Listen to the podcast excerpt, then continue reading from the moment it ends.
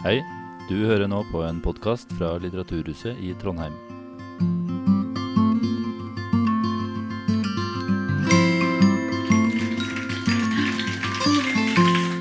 Ja, velkommen til barnebokåret 2023. Eh, Han sa det så fint. Det er et eh, samarbeid mellom eh, Litteraturhuset i Trondheim og Trondheim folkebibliotek. Det gjør vi ikke veldig ofte. og Dette er første gangen at vi har bestemt oss for å gå sammen om barnelitteratur. I hvert fall siden jeg begynte å jobbe her, som er ett år siden. Så det kan hende noen ting jeg ikke vet. Men jeg tipper mange av dere i salen her har hørt om at leselysten i Norge faller. Kanskje ikke bare leselysten, men leseferdigheten òg, for voksne. Konsentrasjonsevnen faller, og evnen til å lese lengre tekster. Og er det ikke litt vanlig at man fokuserer på det som, er, eh, det som man skal jobbe altså, mot? Altså at vi vil bli bedre på det, så tenker vi på det negative først. Litt sånn som hvis man vil bli, ha, bli sunnere, så skal man ikke spise sjokolade. Og så bruker man masse tid på å tenke på at man ikke skal spise den sjokoladen. Og så kan man heller tenke mm, jeg skal spise en gulrot i dag. Sånn er det litt jeg har lyst at vi skal kjenne litt på med barnebøker. I stedet for å tenke på at skjermen tar oss, så vil jeg heller bare at vi skal fokusere på gleden ved å lese og ha barneboka i sentrum. Så det er det vi skal ha. Leselyst. Og Før jeg introduserer enda nærmere eh, kveldens panel, så har jeg lyst til å stille dere et, eh, to spørsmål. Det ene er, og dere svarer hvis dere har lyst um, Rekk opp hånda dem som leser barnebøker ut av egen glede. Ja, men det er ganske mange. Rekk opp hånda dem som leser, som har et barn. Eh, enten eget barn, et barnebarn, tantebarn, onkelbarn, eh, et vennebarn, et bonusbarn eller et eh, barn på jobben din som du tenker at du har lyst til å lese for. Og det syns jeg er helt fantastisk å tenke på. At ofte så kommer jo folk på arrangementene her fordi man har en interesse sjøl. Men nå er det alle sammen som sitter i salen, har et barn som forhåpentligvis kanskje sover akkurat nå, men som man er her for. Og at det er de barna man har lyst til å finne de her bøkene til. Kan jeg spørre én ting til? Um, bare for at panelet her vet litt hvilke bøker vi eh, også skal formidle til dere. Eller hvem det er som sitter her. Eh, småbarn, altså opp til fem år. Null til fem. Rekk opp hånda dem som syns det er interessant. Mm -hmm. Og fem til ni? Fem til ti? Ti til 13. Ja, men det er perfekt, for vi har bøker for alle. Så bra.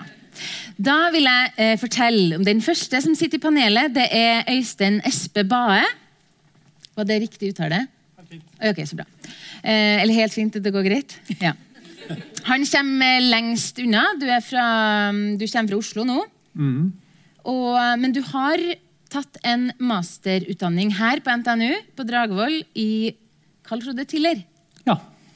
Men det er ikke derfor vi har invitert deg, for det fikk jeg vite akkurat nå. Jeg tror det. Nei, det er faktisk ikke derfor.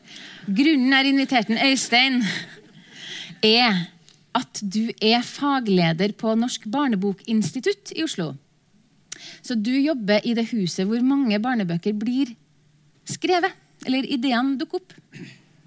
Så det er, det er grunnen til at du er her. Og så er det Morten. Du er utdanna bibliotekar, men jobber mye med barnehistorie, barnelitteraturhistorie, og barnebokkritikk. Du har uh, hatt uh, mye barnebokkritikk over ulike aviser og tidsskrifter. Og så er det Trine Myhr, min gode kollega som jobber her på Trondheim folkebibliotek, og som er ekspert på å formidle bøker til barn. Og hun er ofte den som er den barna som kommer hit, møter en av mange av gode formidlingskollegaer jeg har her. Kjøreplanen Du skal ikke snakke hele tida nå. Kjøreplanen er sånn her. Og det sier jeg til dere bare så at jeg passer på at ikke vi ikke går over tida. Jeg har gitt dem her en oppgave å finne fire bøker som de har lyst til å snakke om, som ble utgitt i 2023. Men det bugner jo av bøker her. De kunne like gjerne snakka om alle her. Så det er noen av de bøkene som står utstilt, som de kommer til å prate om, og noen ikke. Eh, og så, etter at de har fått snakka om dem, så har jeg lyst til å vise en liten filmsnutt som handler om leseglede. Og så til slutt så åpner jeg for spørsmål.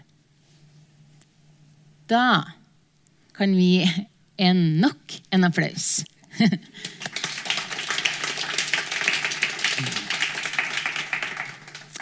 Første ut er tegneserie. Bokslukeren. Den har Morten valgt. Ja. Den er skrevet av Bjørn Østland. Jeg skal si litt mer om han underveis. Men du kan begynne med å fortelle at uh,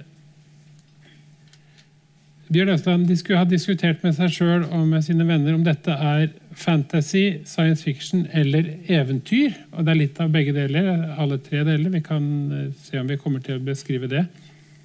Men uh, det mest fantasy-pregede over det i det hele tatt er denne opplevelsen av at, at disse tre hovedpersonene, August, Sana og Ella, lever i en verden hvor lesing er så intuitivt naturlig, og hvor alle rundt dem støtter dem i gleden over å lese. Så for alle som har forsøkt å få barn til å lese frivillig, så, så er det det mest fantasy-pregede over hele dette universet i Bokslukeren. Uh, de lever i et, et slags ja, grovt skandinavisk samtid. De har bøker hjemme, de har bøker i skolebiblioteket, de har bøker på folkebiblioteket. Og, og det er hylle på hylle med bøker. Og så Det er liksom eksposisjonsfasen. altså Der er de, og så begynner de rare tingene å skje. Bøker blir borte. Hver natt blir hyllene i et sted tomt. Først hjemme hos Sana, tror jeg det var. Det er for så vidt ikke riktig, da, men og så hjemme hos venninna, og så i folkebiblioteket, og så i skolebiblioteket. Og så blir verden tom for bøker. Eh, hus for hus. Og da er det jo mysteriet. Og ettersom dere ser på omslaget der ja. eh, Nå lurte jeg André. Så, så, er det jo et dyr som heter Bokslukeren. så det, hva som har skjedd, det er kanskje ikke den store overraskelsen i boka. Eh, de er våkne en natt. De oppdager dyret. De rir på ryggen av det til en øde øy hvor det befinner seg en underlig skrue som de kaller November-Nilsen. Og finner ut hvorfor bøkene forsvinner, og hva hvem November-Nilsen er, hvordan han kom dit, hvordan dyret kom dit. og Kanskje kommer det en oppfølgerbok. Det er for så vidt ikke det avgjørende. Men, men det er en helt fantastisk godt fortalt tegneserieroman i et uh, mellomnivå som er uh, passe spennende for uh, både femåringen og tiåringen. Bjørn Østland har en fortid med å lage teite humortegneserier for bladet Pyton en gang på 1980-tallet, men siden så har han blitt mer striglet og jeg mener at han er en av de beste forfatterne vi har. Og jeg har strevd de, gang, de gangene jeg har sittet i barnebokjuryer. Det har jeg gjort noen ganger, Så har jeg prøvd å få Bjørn Ausland med på listen over de som er kortlistet. Men han jobber i et veldig sånn amerikansk tegneseriespråk som veldig mange av mine kolleger i barnebokkritikkbransjen oppfatter som litt for folkelig til at han er aktuell for litteraturpriser. Så jeg har gang på gang forsøkt å få han med der, og jeg mener han er en av de beste. Han har skrevet enkle bildebøker for fireåringen. Han har skrevet faktabildebøker om pol polferd. Han har jo en bror som har vært på flere polferder.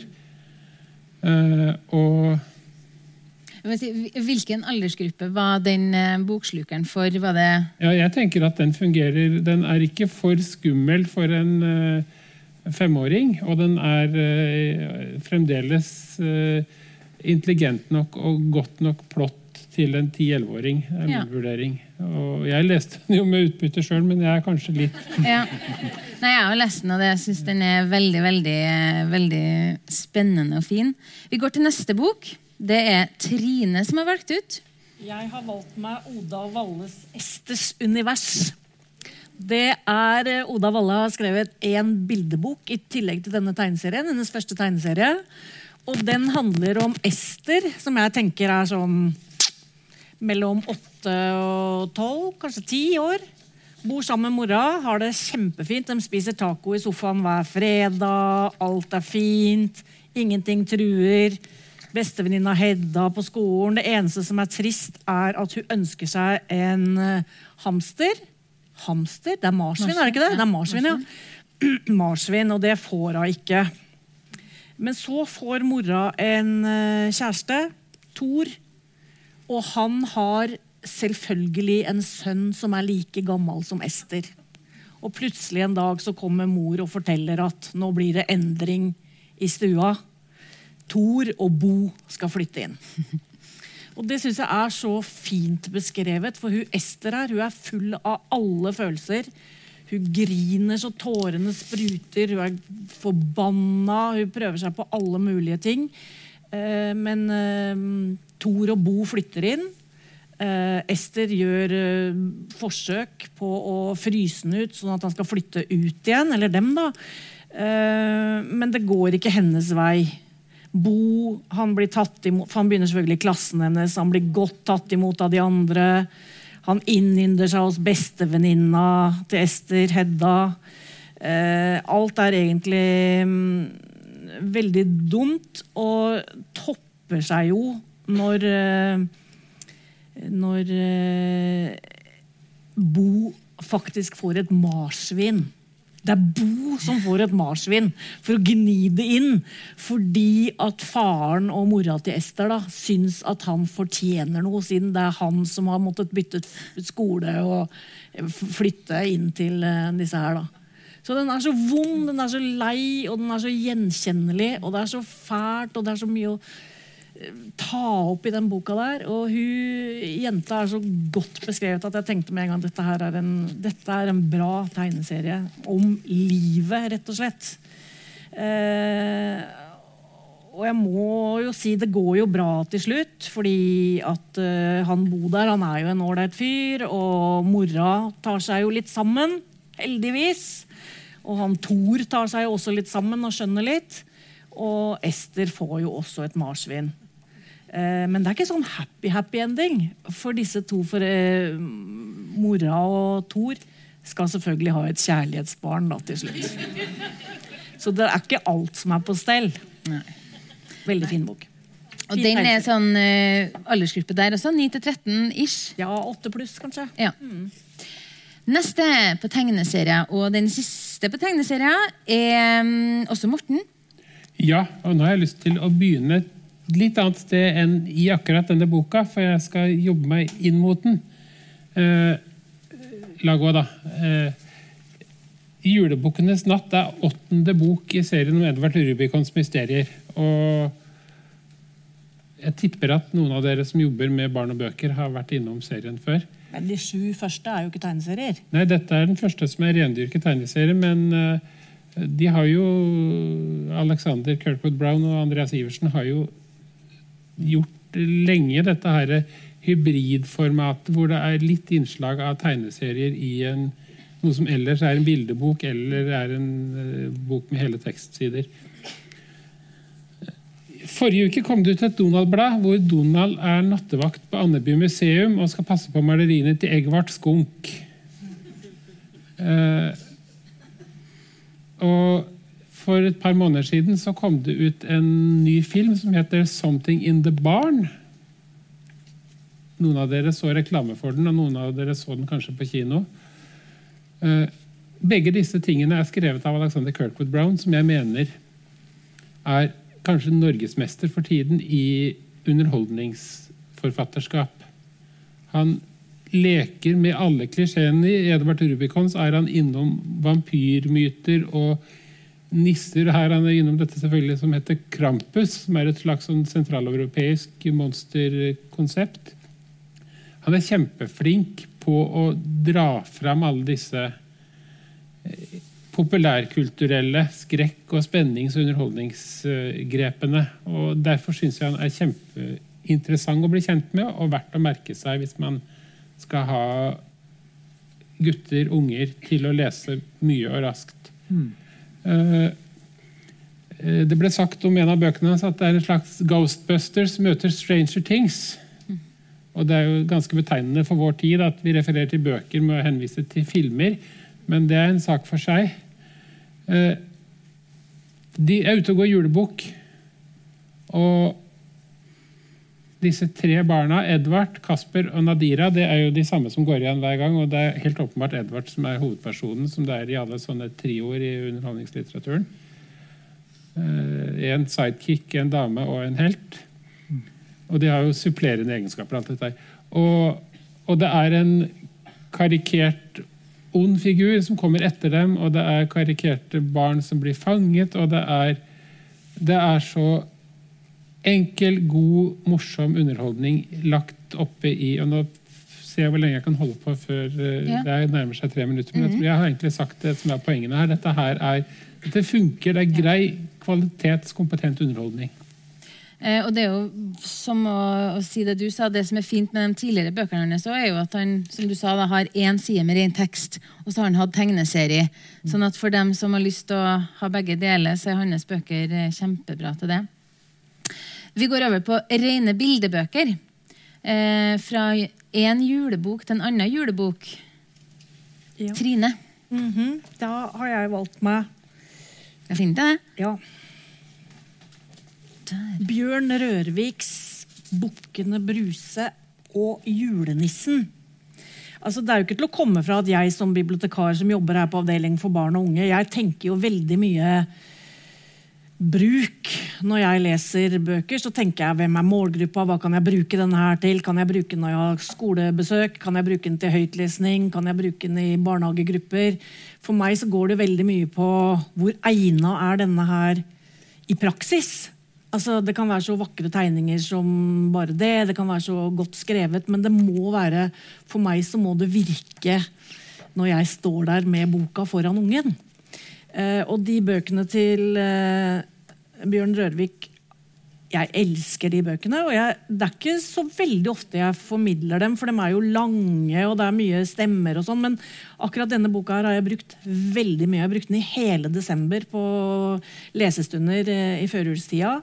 Og jeg lo, og ungene lo, og lærerne lo.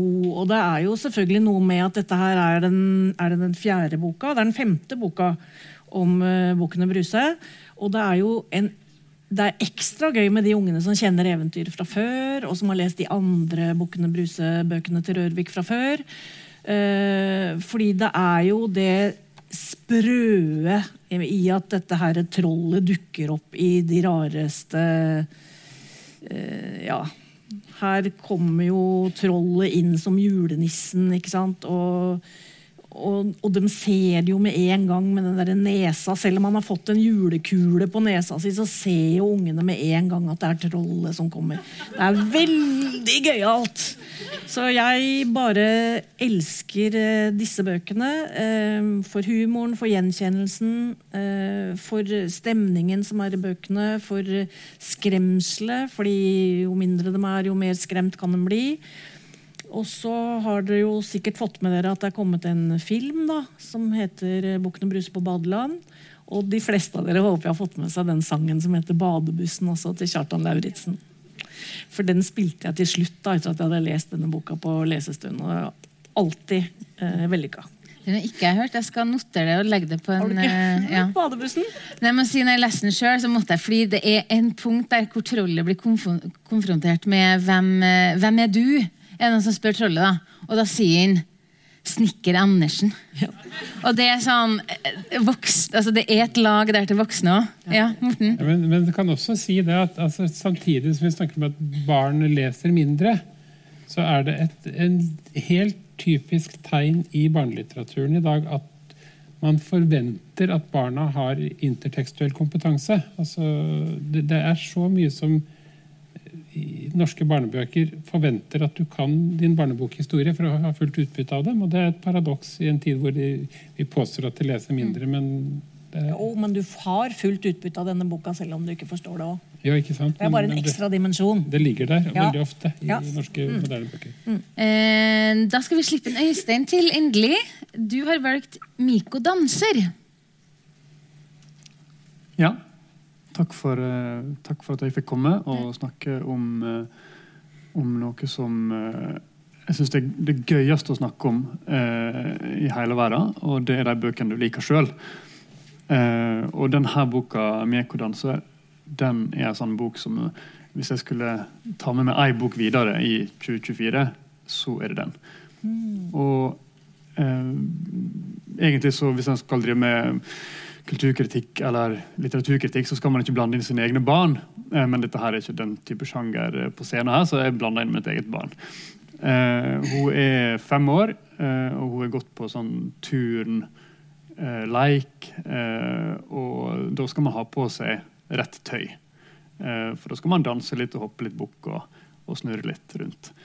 Og hun jenta Mieko hun er en sånn jente som etter sommerferien skal begynne på dans igjen. Eh, men hun syns eh, det gamle dansetøyet eh, ikke passer lenger, så hun skal finne noe nytt å ha på seg. Så Da bryter hun med konvensjonene innenfor sin danseklubb. og så går hun for å klippe håret helt kort og gå med fargerik T-skjorte i stedet for en, en kjole og tights og det opplegget der. Og Det som skjer da, er at hun blir plassert i guttegruppa på dans, eh, dansetimen. Um, og Det setter i gang en del kjedereaksjoner og identitetsspørsmål hos henne. Um, og, og det fører jo til at eh, det blir en sånn veldig fin spenning uh, i, i historien. Um, hvem er hun? Er hun jente uh, hvis hun blir plassert hos guttene? Uh, og så er hun veldig glad i ei anna jente på, på dansinga. Eh, og det får en slags eh, eh, en fin eh, sidehistorie til at eh, han som er ansvarlig for dansinga, danselæreren, en dag så inviterer han sin kjæreste inn eh, i dansetimen. Og eh, lo and behold, det er en gutt eh, som ser ut som ei jente. Eh, Så det er litt intrikat, komplekst. Det er for alderen tre til seks år ifølge forlaget. Eh, Men det er veldig fargerik og spennende historie som, som godt kan leses lenger opp i alder også. Litt avhengig av interessene til ungene, tenker jeg. Men for en femåring er det midt i blinken. Eh, Og vi leser den hjemme med, med stort hell. Og så er det litt interessant å se på den som en tendens til at det å skrive inn eh, kjønnsidentitetstematikk så langt ned i alderen 3 til 6 eh, nå har blitt en, eh, en greie. Eh, og det kan jo man mene det man vil om ut fra hvem man er som person, men personlig det er jo derfor jeg sitter her, så syns jeg at det er en, eh, fin ting å utforske. fordi at det er på den alderen eh, ungene begynner å stille spørsmål med sånne kjønnskategorier, og hvorfor det er sånn at jenter ikke kan gå med sånne sånne klær og ha kort hår. eller ja. Så det er en viktig bok, men det er ikke fordi at den er viktig at jeg har tatt den med, men det er fordi at den er en fryd å lese. Fordi den er spennende og er fullt av sånn dansedriv i historien. Masse farger. Skinkeape som er illustrert. Um, kaller seg skinkeape. Um, hun har gjort noe av det beste hun har gjort, syns jeg, uh, som illustratør. Mm, da må vi videre. Jeg er allerede en litt dårlig uh, for vi, er- Jeg tror vi snakker fem minutter hver nå, så vi må prøve å, å skru det opp. Vi går til bøker med tekst og bilder, har jeg kalt denne kategorien. her da. Altså Det er litt begge deler. Morten har da valgt Jonny 777. Ja, og jeg kan fortelle litt om denne boka, men jeg syns det er mest interessant å se på serien under ett. og Dette er jo den fjerde, eller femte eller sjette bokserien til Bjørn Sortland. Eh, en- Serien eller Bok, bokserien, ja. Ja. Eh, Jeg tror han er spesialist på serier. Han har jo gjort Kunstdetektivene, han har gjort eh, denne Kepler-serien og Ja, eh, ikke snakk meg nå. noe. hovedpersonen Jon bor i Indre Gnurtedal. Og han blir sånn helt ut av det blå, og det er jo en hel lek med sjangerkonvensjoner. Han blir rekruttert til eh, en EHO, som betyr en hemmelig organisasjon. Ja, ikke sant? Og det, altså, alle klisjeene dere kan tenke dere, er der. Altså, det er en eh, Det er asiatiske karateeksperter. Det er en gal diktator med monokkel og katt. Eh, og det er svarte biler, det er eh, kampsportinstruktører som har sett altfor mange dårlige kampsportfilmer osv. Klisjeen er der hele veien. Og i denne boka og Det er også veldig sånn eh, hvis du, har lest, hvis du noensinne har sett en Indiana Jones-film, så kjenner du igjen han til venstre der. Og Denne gangen så er det i Egypt, og det er full pakkelek med Indiana Jones-klisjeer. Og det er også typisk for Bjørn Sortelands forfatterskap. altså Det er utrolig mye mat for den pappaen som skal lese for sjuåringen, åtteåringen. Det er referanser til James Bond, Star Wars, Indiana Jones. Eh, Alt sammen er der. Og det er eh, Ja. Det er nesten ikke Historien i denne boka det, er jo, De skal løse et mysterium, og de skal stoppe en skurk, og de skal overleve sjøl. Men, men hele magien og gleden med dette forfatterskapet og hele denne serien er jo hvordan gutten kommer inn i en rolle som er helt urealistisk, men som da er en slags guttedrøm. Og tenk å være Jon fra Indre Gnurtredal som får lov til å tjene en million hver helg på oppdrag for EHO for å bekjempe onde skurker. Og så er det en jente der. Hun kaltes Ninjaprinsessa.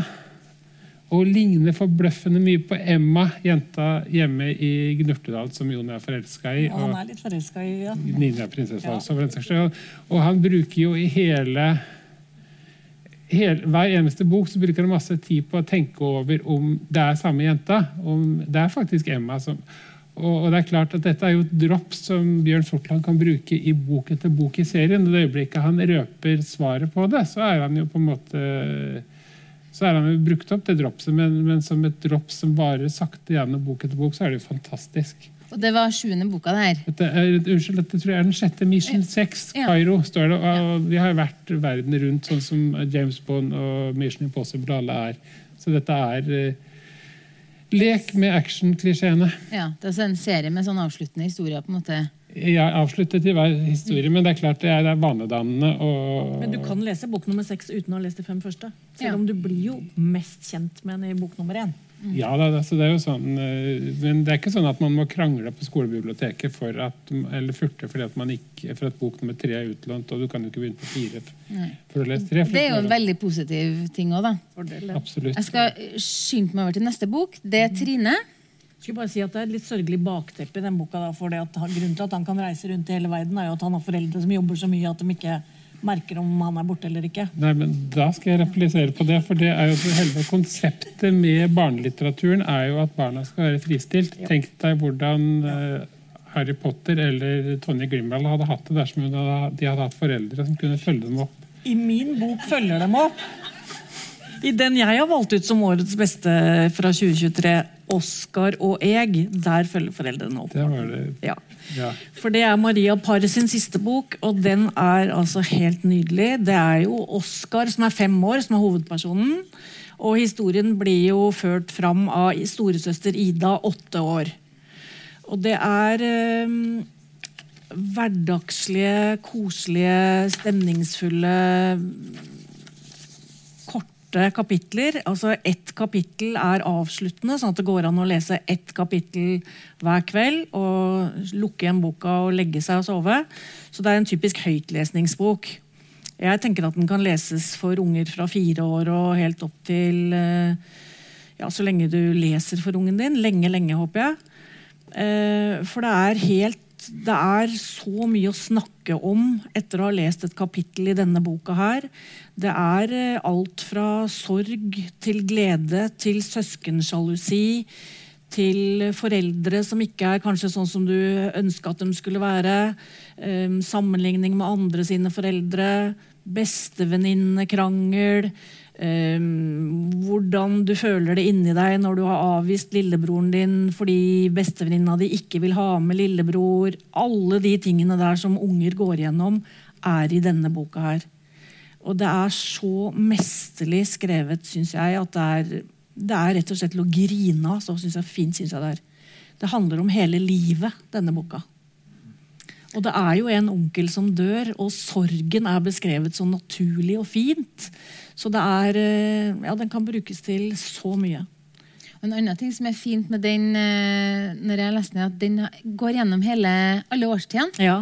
Du har en historie om sommeren, om våren, om høsten, om jula, halloween.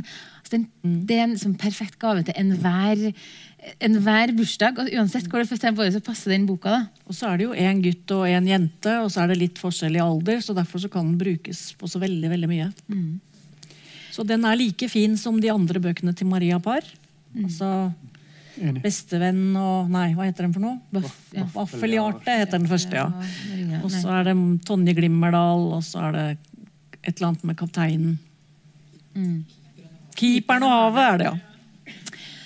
Vi går til bøker uten bilder. Eh, det heter denne kategorien. Det er rett og slett bare Ja, for det er jo Åshild Irgen som har illustrert den boka til Maria Pardia. Det jo kjempefine illustrasjoner. Jeg har visst dette her nå. Så det er liksom litt tekst, og så er det litt bilder. Så det er begge deler. Her kommer det bare eh, tekst. Og da er det Øystein igjen sin bok. Jenny Fender.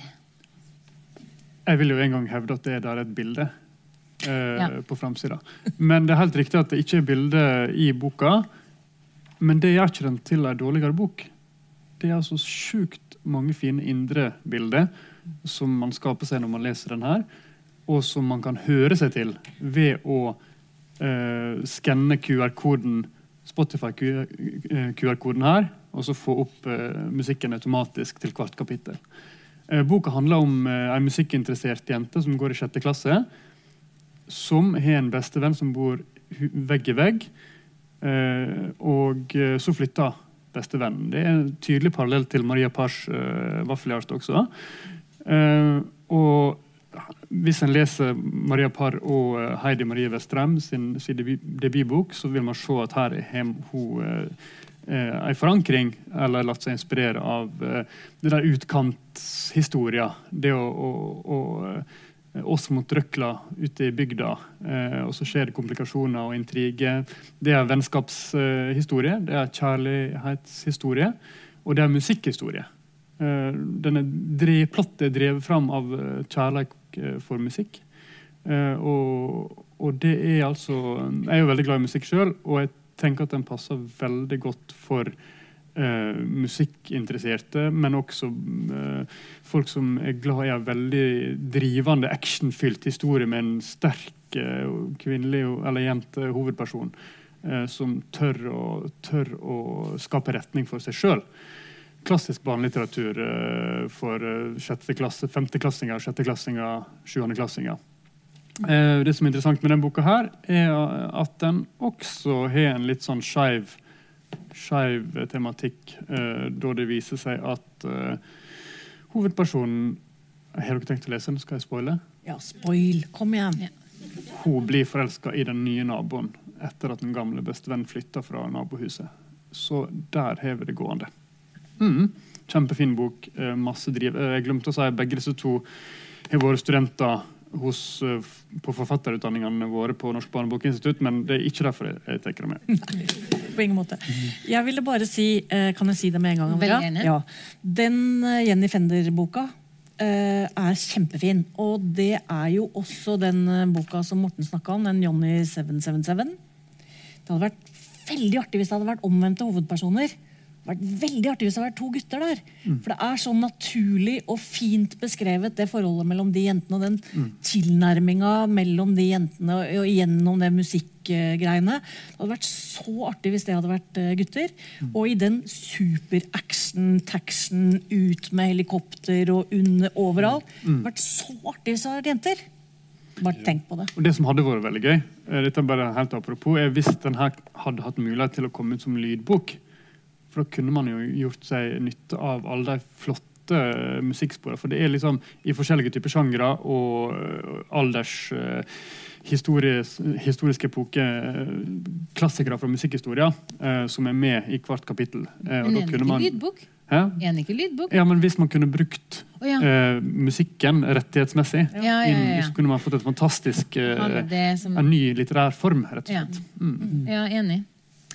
Eh, vi hopper videre vi til eh, neste bok, som Morten har valgt. Jeg må nesten replisere på at jeg syns det er veldig greit at guttene får lov til å ha Jonny i 2077 for seg sjøl, men altså det, det er veldig greit at det også finnes noen jentehelter. Jeg vet ikke om noen av dere husker den gangen da guttene ble sinte for de laget Ghostbusters på ny med jentehovedpersoner. og Da var det liksom De ødelegger jo alt, jo.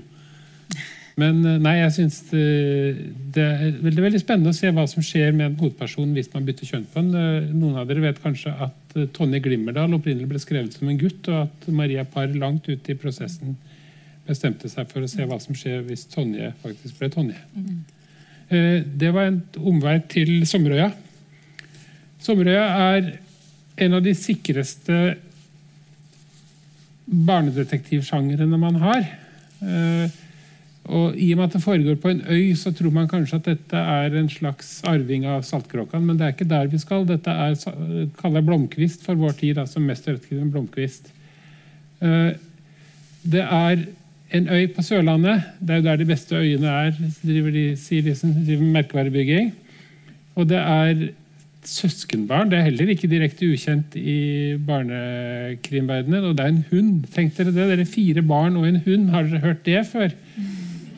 Eh, Det er Sofie som bor sammen med sin alenemor Helene på øya i et hus som litt uavklart arveforhold til. Og så er det da Helenes halvbror Håvard som kommer fra hovedstaden med sine barn Kasper, Edvard og Olivia. Og selvfølgelig, som i tillegg til hovedintrigen, som handler om å finne ut hvem som driver med narkotikasmugling og stoppe de skumle tyvene, så er det så skriver Helene Flod veldig flinkt, så hun kobler sammen eh, hovedhistorien med alle disse bihistoriene som du lærer i skrivekurs. Og her er det da en del bihistorier om eh, mulig stefar.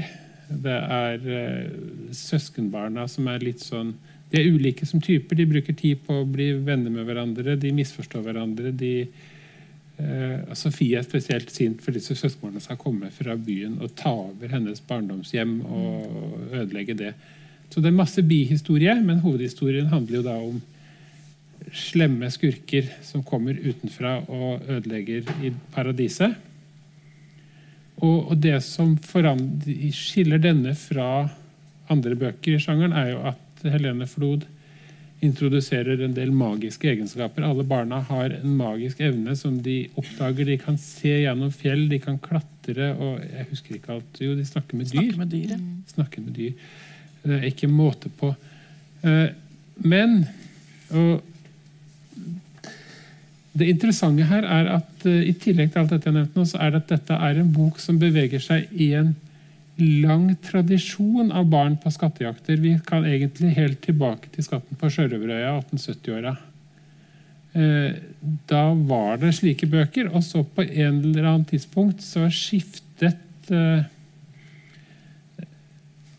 barn på eventyr karakter fra å være litt sånn usannsynlige røverhistorier i fjerne farvann, så, så snudde man og kom over til trygge ferieeventyr som var, foregikk i en realistisk kontekst. Og den første av dem det var en bok som het Den hva het den? der? 'Ensomme øy'.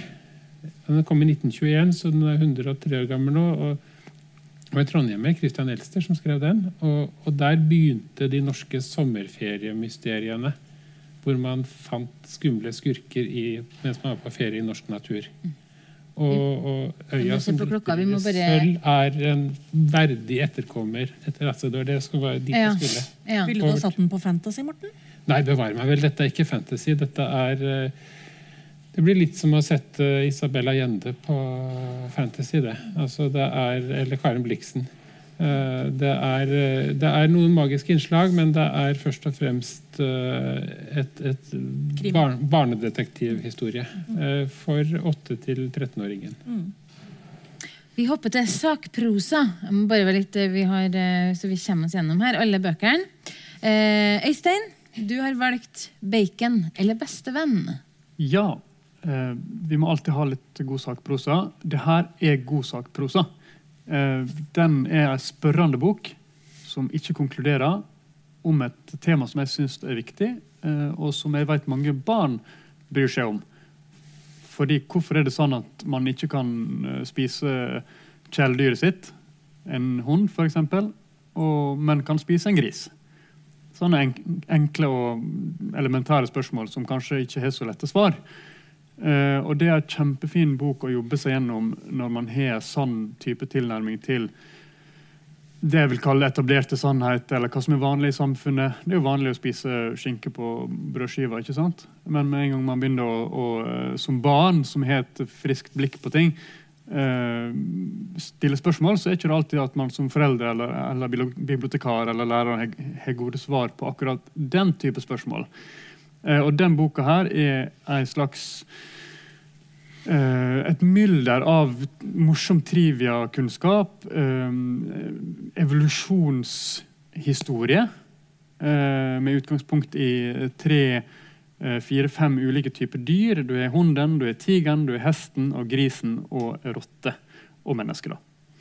Eh, Og der mennesket blir sett på som et dyr blant andre dyr. Og det er et veldig fint utgangspunkt for en samtale med eh, 9-12-13-14-åringen. Eh, og den gir veldig masse på ulike fagformidlende vis.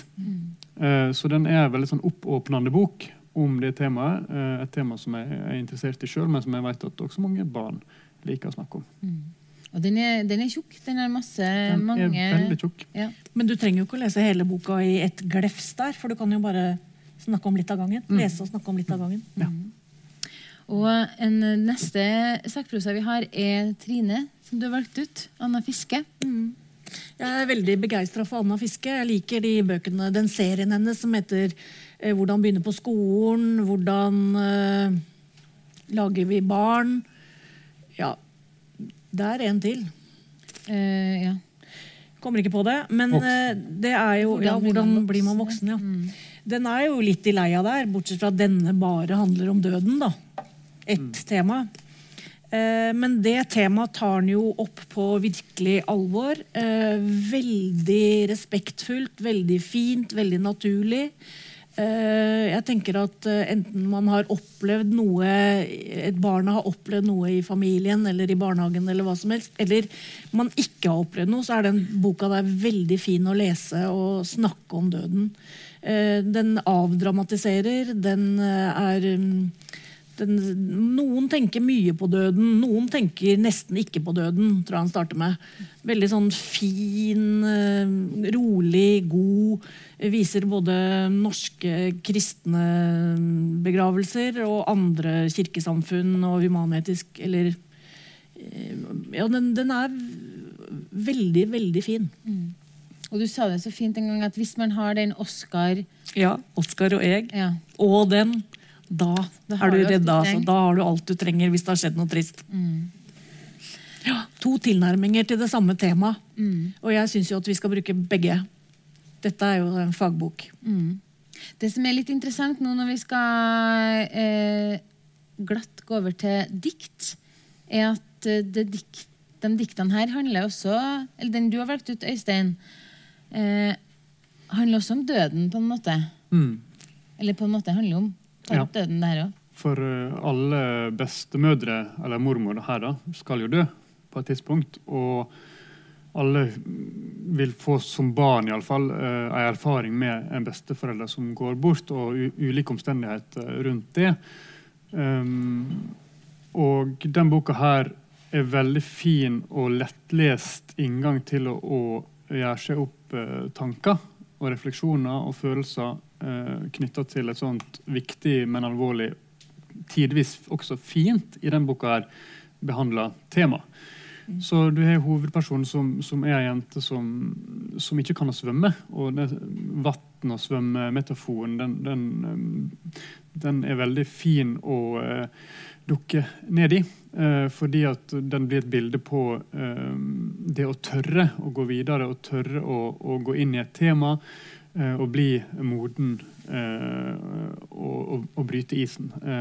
mormora til hovedpersonen her, eller jeg-personen, hun, eh, hun, viste seg å være en, eh, en eh, NM- og EM-potent svømmer i sine yngre dager. Og vi lærer også mormora å kjenne på et veldig bra vis gjennom boka. Så jeg tenkte jeg skulle lese mm, Du hadde tenkt å lese sjøl, og jeg også hadde tenkt å lese litt. Så, så hvis dere Det er mange som har litt sånn uh, forsiktig tilnærming til dikt og lurer på hva kan vi bruke det til i møte med barn.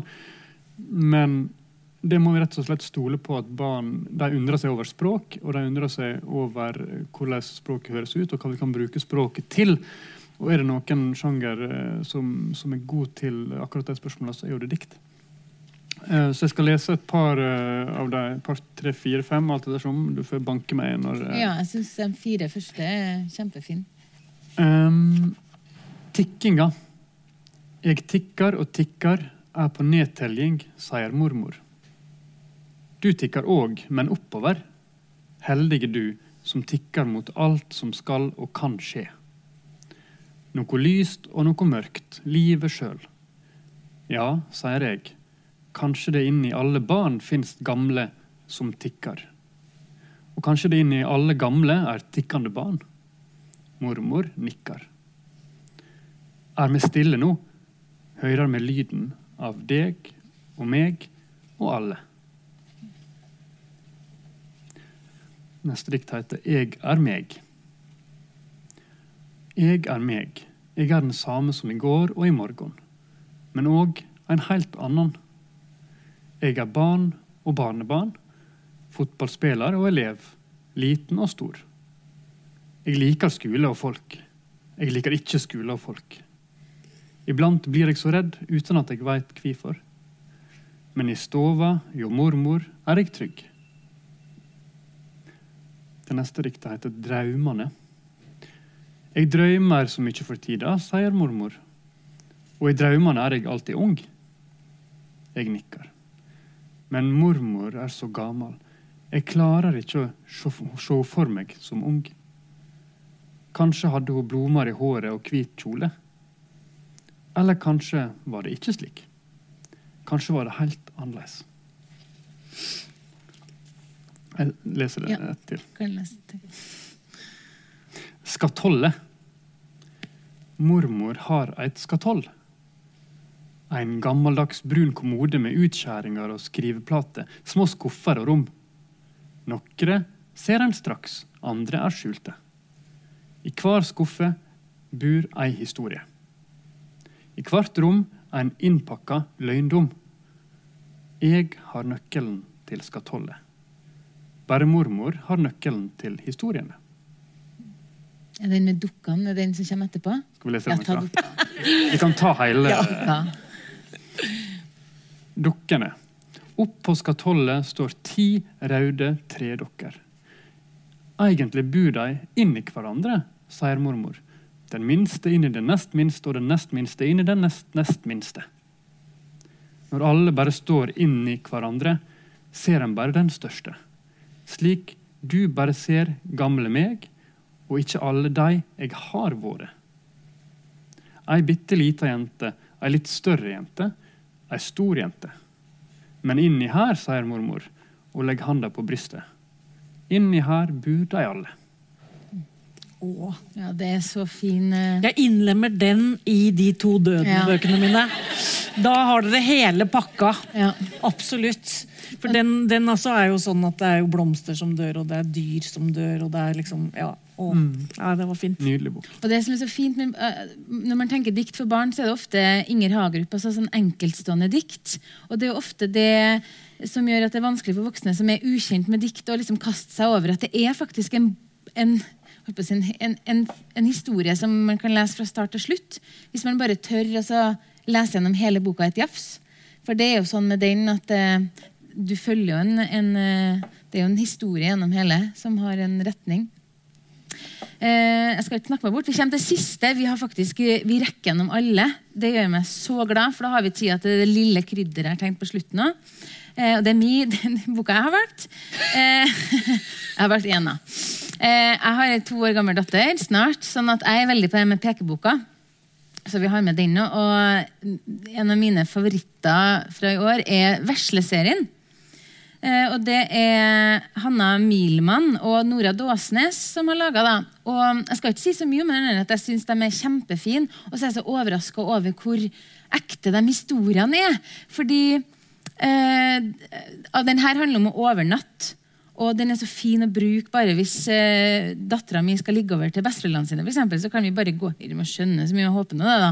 Men eh, vi, vi, bruker liksom den her til den situasjonen. Så har du den Vesle vil også telle til ti. En annen eh, bok i samme serie. Og Vesle vil også kle på seg selv. Den har vi lest mange ganger. Så det er så ekte, fine, mm, korte historier i en hverdagslig situasjon men med nydelige illustrasjoner. Og så fins det jo sånne bøker til alle ja. situasjoner og ja. temaer. da. Så, det, så den, eh, Hvis ikke noen har plukka opp denne pekebokserien, her, så bare kom og lån. Ja, den er veldig god. Det som også er fint med det der, er jo at vi fikk trekke fram eh, Nora Dåsnes. Mm. Som jo ikke kom med noen tegneserie i år. Ellers så hadde jo hun sikkert vært en av våre mm. favoritter. For, eh, for hun hadde jo La skogen leve i fjor og Ti kniver i hjertet. Ja, kjempedyktig. Ja. Mm. Men eh, så her har hun illustrert. Så det er faktisk eh, det er de bøkene vi har valgt ut. Jeg har lyst til, å, Før vi åpner opp litt for um, spørsmål, for det kan godt hende dere har noen spørsmål, og jeg vil også veldig gjerne at helt på slutten så tar dere og kikker gjennom alle bøkene her, og dere skal få lov å låne. Uh, vi gjør et unntak her nå med at uh, hvis noen har lånekort, så går det an å låne seg, ta med seg hjem. Alle mulige lån. Nesten, tror jeg i hvert fall. Uh, jeg skal vise dere en liten film som handler om leseglede. Og mens du finner fram den, ja. så kan jo jeg si det der med tegneserier som jeg kom på akkurat nå. fordi det har jo kommet veldig mye tegneserier. Mm. Veldig mye tegneserier, og det er kjempegøy. Og det er jo en ønska Det har vært uh, oppmuntra til det. Uh, men en uheldig omstendighet da, som jeg tenker kanskje har noe med det å gjøre, er at det har kommet fryktelig lite lettlesbøker. Mm. Veldig lite lettlesbøker i 2023 altså sånn påfallende få. Det må du ta med deg tilbake, Øystein. Mm. Og lage flere lettlesbøker. Du som er i Oslo må ordne Fordi det er bare Ja, i Oslobyen. Jeg tror bare at vi har klart å finne fram én eh, lettlesbok fra 2023 som vi har tatt med. Ja. Så nå er, har kommet noen lettleste tegneserier, men ikke noen lettleste bøker. For jeg tenkte, nå er uh, Den her varer tre minutter, tror jeg. Det tar vi oss tida til, for den er så innmari fin. Og jeg håper på at den gir masse leseglede. Det er for små barn, den her, men jeg føler at uh, den bare gir så mye, gir så mye glede. Og så håper jeg at det er noen spørsmål sånn helt til slutt etterpå her som vi kan ta litt um, kort. Nå skal jeg Vær så god. Er lyden på?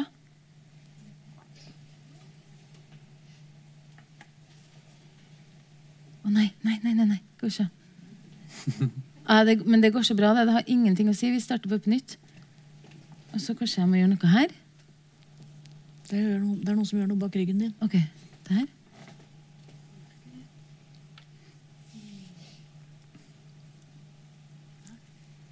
Der skal vi prøve. Og vi testa det i stad. Vi prøver igjen. Nei! Men da Trine, kan du prate litt mer om uh, lettlesbøker, hvis du vil? Eh, nei, jeg kan si det at den Filmen her den er jo fra et prosjekt som heter Bokstart, som vi akkurat har satt i gang på Trondheim folkebibliotek. Det har jo vært i, ellers i Norge, i 40 kommuner som holder på med bokstart i Norge, og mange land. Eh, og Det er et samarbeid mellom oss på Trondheim folkebibliotek og helsestasjonene. Sånn at alle barn Det snakkes jo selvfølgelig om språk på alle helsestasjoner til alle som kommer med små barn, men nå får de også tilbud om å komme på biblioteket for å få en gratis bok. Så det gleder vi oss til. Vi Men vet du hva? Det er faktisk ikke krise om ikke får sett filmen. Jeg bare gir dere lenka, så får dere sende hjem. For vi kan heller åpne for spørsmål, eller vi kan åpne for spørsmål mens. Dette er absolutt ikke noe krise. Mm. har vi en liten mikk for uh, spørsmål. I hvert fall så er det bokstart. Det er masse fint å lese på den bokstart.no. Og den Og hun, filmen er ja, nydelig. og hun kommer med så mange tips på hvordan man altså Man trenger ikke å følge teksten i en bok for, uh, fra null til si tre eller fire. Altså, du må ikke følge teksten i denne pekeboka eller boka du leser. Du kan bare la ungen få lov å liksom, leke med boka, se på boka. Du kan snakke om hva du ser i boka. At, eh, ja, hun har en så utrolig fin eh, avslappa forhold til at eh, le, les når man vil, og når ungen vil. Og følg med på hva ungen er opptatt av i boka. Så er det ballen. Ja, ok, snakk om ballen, da. Så den, eh, den er nydelig. Kjempesynd at jeg ikke får den til nå. Men da får vi jo det til som vi også ville ha. Spørsmål. Er det noen som har et spørsmål fra salen? Er det noen som har en elleveåring som ikke vil lese, f.eks.? Ja, hokus pokus. Det går bra uten spørsmål, men det er veldig fint med. Hallo? Ja. Du, jeg bare lurer på om dere Har dere noen forslag til dem som er bitte litt eldre? Eh, Jeg lærer i ungdomsskolen og f.eks. høytlesing for ungdomsskoleelever. Vi har jo lest 'Hjartespreng'. Har vi ikke lest den alle tre? Snakka vi ikke om det? Den tror jeg står her. den, kanskje? Har jo, ikke, vi har jo en eh, egen eh, avdeling som vi kaller for Ung inne på barn og unge. Og den hjertespreng Den her? Den var veldig, veldig fin. Den handler om ei jente som er eh, Ei jente som er uh, kjempeflink til å være 14 år, og så er hun superdårlig til å være 15. Ja, nominert i Brageprisen. Ja, den er veldig fin. Ja. Den kunne jeg ha lest høyt, ja. Men en ting som jeg også lurer på, er jo eh, Nå har vi jo gått gjennom Vi har jo faktisk vært veldig heldige synes jeg, med at dere har valgt så spredt. altså Det er så mangfold i bøkene også. Men er noen kan jo ikke se noe hull, eller noe som mangler, om ikke i år, men sånn generelt. Du har snakka om lettlesbøker. Er det noen flere tema som man syns det skulle vært flere bøker av? For min del er det alltid sakprosa som ser ut til å tape terreng eh, år for år. eh, Både med hvor mye det blir satsa på fra forlag, og hvor mye det blir eh, lest. Og, og det har også en, en sammenheng, og også oversatt eh, sakprosa til barn og unge. eh, nesten ingenting. Så det, mm, det er noe som er Men vi får også spørsmål etter sakprosa som vi ikke har noe på. Her i Trondheim for eksempel, er det jo veldig mange som gjerne ville ha bøker for de minste om Trondheim. mm, Sant? Fins jo nesten ikke. Og det er en del temaer som vi har på. Steinalderen mm. Er et tema i skolen som vi har veldig lite bøker på. Jeg tenker at uh, altså den, det jeg opplever som den store svakheten, og det syns jeg egentlig har vart sånn lenge altså, For det er jo 20 år siden barne, det er jo mer enn 20 år siden, 30 år siden grunnskolereformen. og og 20 år siden barnehageløftet, men fremdeles så har ikke norsk barnebokproduksjon tatt helt over for seg at, at barnehagene har ikke to- til seksåringer lenger, de har én- til femåringer. Og vi savner flere gode pekebokserier. Jeg er overrasket over at ikke noe norsk forlag har laget en pekebokserie med helt elementære juletradisjoner. Altså en pekebok om å henge ting på treet, en pekebok om å, å sette lys i vinduet. Altså de, pekebok må gå ut og kjøpe juletreet, ikke sånn her klassisk sånn ute i skogen for mor og far kjenner noen, for det er ikke sånn norske barn får juletrær i hus. Men også de helt elementære hverdagsrutinene og høytidsrutinene finnes det ikke pekebøker om. Det overrasker meg fremdeles. Ja. Det er også noe som du som bor i Oslo må ordne. Vi kan skrive en liste til deg. vi vet du, Men tilbake til deg som lurte på det. Finnes det gode bøker for å lese for en ungdomsskoleklasse? Og dette er jo en av de håpløseste spørsmål. For selvfølgelig spør du mange nok, så finner du noen som har en favoritt som treffer. Men av og til så må man bare stole på sin egen magefølelse og, og tenke at ja, det, nå har jeg lest nok av den til at jeg tror dette går bra. Og, og, og kanskje, hvis jeg skulle ha gjort, så ville jeg ha valgt flere tynne bøker. Og, og av og til stort på at også 14-åringen kan ha en niåring et sted inni seg som, Så når læreren leser noe som vi er enige om at er fint, så, så går det an, det også. Men jeg forstår jo også at spørsmålet kommer fordi øh, vi har jo en slags begrensning på oss i hva vi har forberedt i dag, som går opp til 12-13 maks. Eh, Så det er jo rom for å uh, Trondheim er en meget fin by. Så jeg, jeg kommer gjerne opp igjen og, og, på et nytt arrangement for å snakke om mm. Neste ungdoms... torsdag? Uh, ja, neste torsdag, for eksempel. Klokka 19. Og vi har jo en egen avdeling her på biblioteket som er bare ungdomsbøker. Men det, men det er en, eh, for der tenker jeg med som dikt, f.eks. Du tror det er vanskelig, og så er det nesten lettere. Fordi det er så muntlig. Og jeg vet, eh, Nå har vi en helt fantastisk gjeng som jobber på, på barneavdelinga, som leser masse ungdomsbøker. Eh, så det er bare Den for eksempel, kunne jeg godt tenkt meg å lese Ja. på ungdomsskolen. Den kunne jeg lest på ungdomsskolen. Men Den jeg, er kjempefin. Den heter 'Villdyr', og den kommer til å bli filma. Det er en som heter Håkon Markus som har skrevet dette her er bok nummer én i en serie. Og Det er sånn om hamskifter og sånne ting. Den var veldig veldig spennende. Ja, den er veldig i vinden nå. Ja, den er he- absolutt i vinden. Og så kunne jeg jo Hvis du vil vite at dere er med i barnelitteraturen, så les den nå, for om tre kvart år så kommer alle til å snakke om den. Så da kan det bli at- Stygge jenter kunne jeg ha lest. Ja. Den er også kjempefin. Den handler jo om at det plutselig kommer en sånn Instagram-konto hvor det bare sies stygge ting om jenter. Viser bilder av dem akkurat når de tygger, eller at de har stygge klær på seg. eller noe sånt noe. Og så finner da disse jentene ut hvem det er. Da er det jen- forskjellige jenter som går sammen for å finne ut av hvem er det som har denne eh, kontoen. Et kyss før jul det var en fabelaktig julebok. Mari Grydland eh, og Kristin Storusten som skriver og Det er ei jente som må flytte til Oslo fordi mormora brekker lårhalsen, så hun og mora må inn og hjelpe til. Og så må hun da begynne i en ny klasse. Der er det kyss og klapp og klem og forelskelse og det der med å ha en Det der vel det som du har lovt Du skal lovt bestevenninna di at du ikke skal få noen nye venner når du flytter til hovedstaden, og så går det ikke akkurat sånn. Eh, ja. Oslo er en forferdelig plass. Ja, Trine jobber på biblioteket, dere. Her er det bare sånn er Alle dem som jobber Denne her. her, Crookhaven, det er jo han gutten på 13 år som uh, i litt sånn engelsk stil, da, han bor i England, med, er fattig og bor sammen med bestemora som ikke engang er bestemora. Foreldrene har jo forlatt den.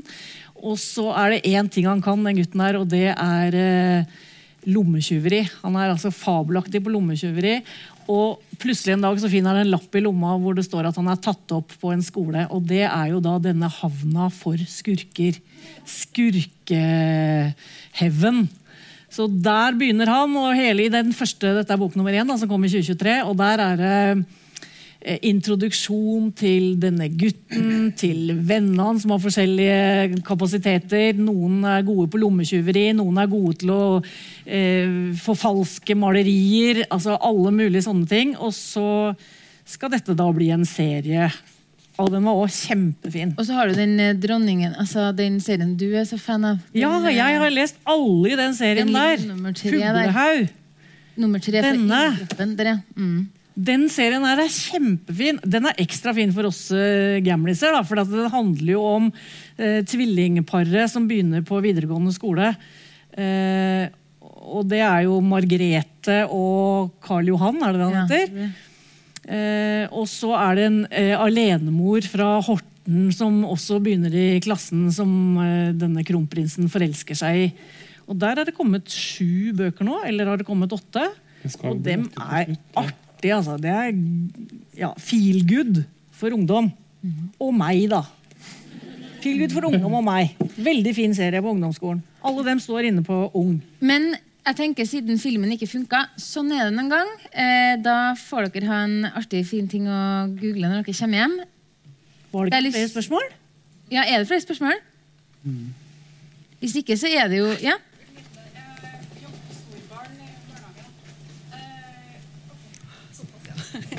Eh, opplever at høytlesning under f.eks. måltid eh, Det å ha noen bøker med en litt åpen slutt, så man kan sitte og undre seg litt sammen med barna. Om det fins noen bøker eh, nå som kan være å anbefale. Jeg er veldig god til å gå langs hyller og si 'den kan du bruke da', 'den kan du bruke da', 'den kan du bruke da'. Men når jeg sitter i et sånt panel og blir spurt, så Den har jo for så vidt åpen slutt din, Øystein. Ja da. Eh, jeg kom til å tenke en bok som jeg sjøl kunne tenke og prakke på mine barn i, i barnehagen. Og jeg har ei som, som er eldst i barnehagen. Um, og uh, det er den boka som heter 'Blyanten'.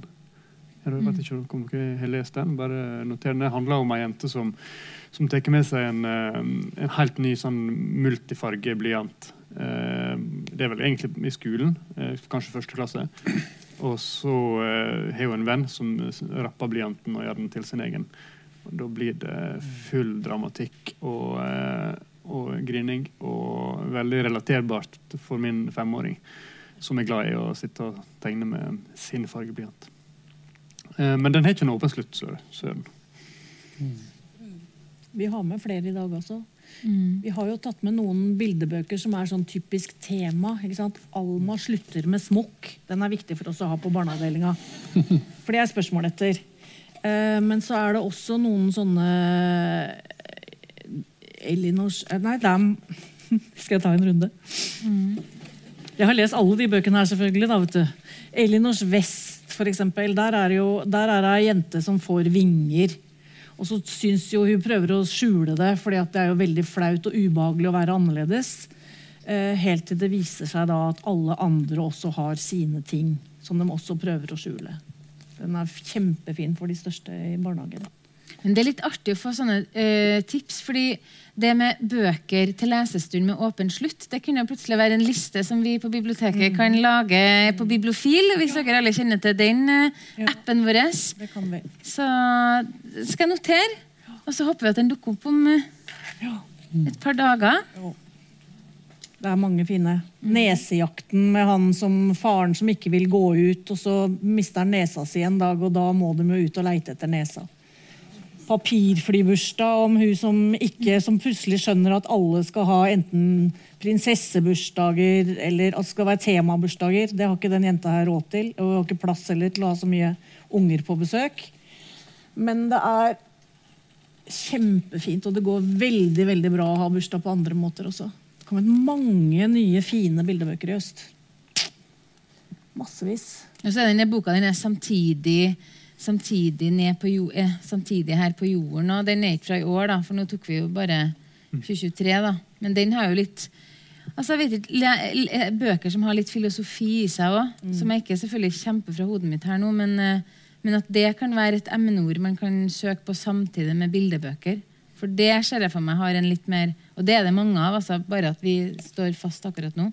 Vi hadde et spørsmål uh, som Det var egentlig ikke et spørsmål, men en kommentar. fordi at En bok som kom i fjor, som heter 'Hvis jeg var statsminister', ser jeg for meg kan være en sånn fin samtalebok under måltid på storbarnsavdelingen. Så det var bare et tips. Ja. eh, Trygve Skaug og Ella Okstad, var det ikke det? Ella er jo trondhjemmer, så hun følger vi med på. Bra.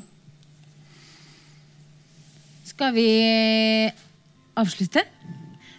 Da vil jeg bare si jeg er veldig veldig glad for at eh, dere har kommet og hørt på oss. Jeg håper og ønsker at dette kan bli et eh, årlig arrangement. Eh, det er så artig å se at det er mange som er interessert i barnebøker, og, og spesielt ha besøk av dere tre, som også er brennende engasjert på hver deres måte for barnebøker. Så gi panelet vårt en stor applaus.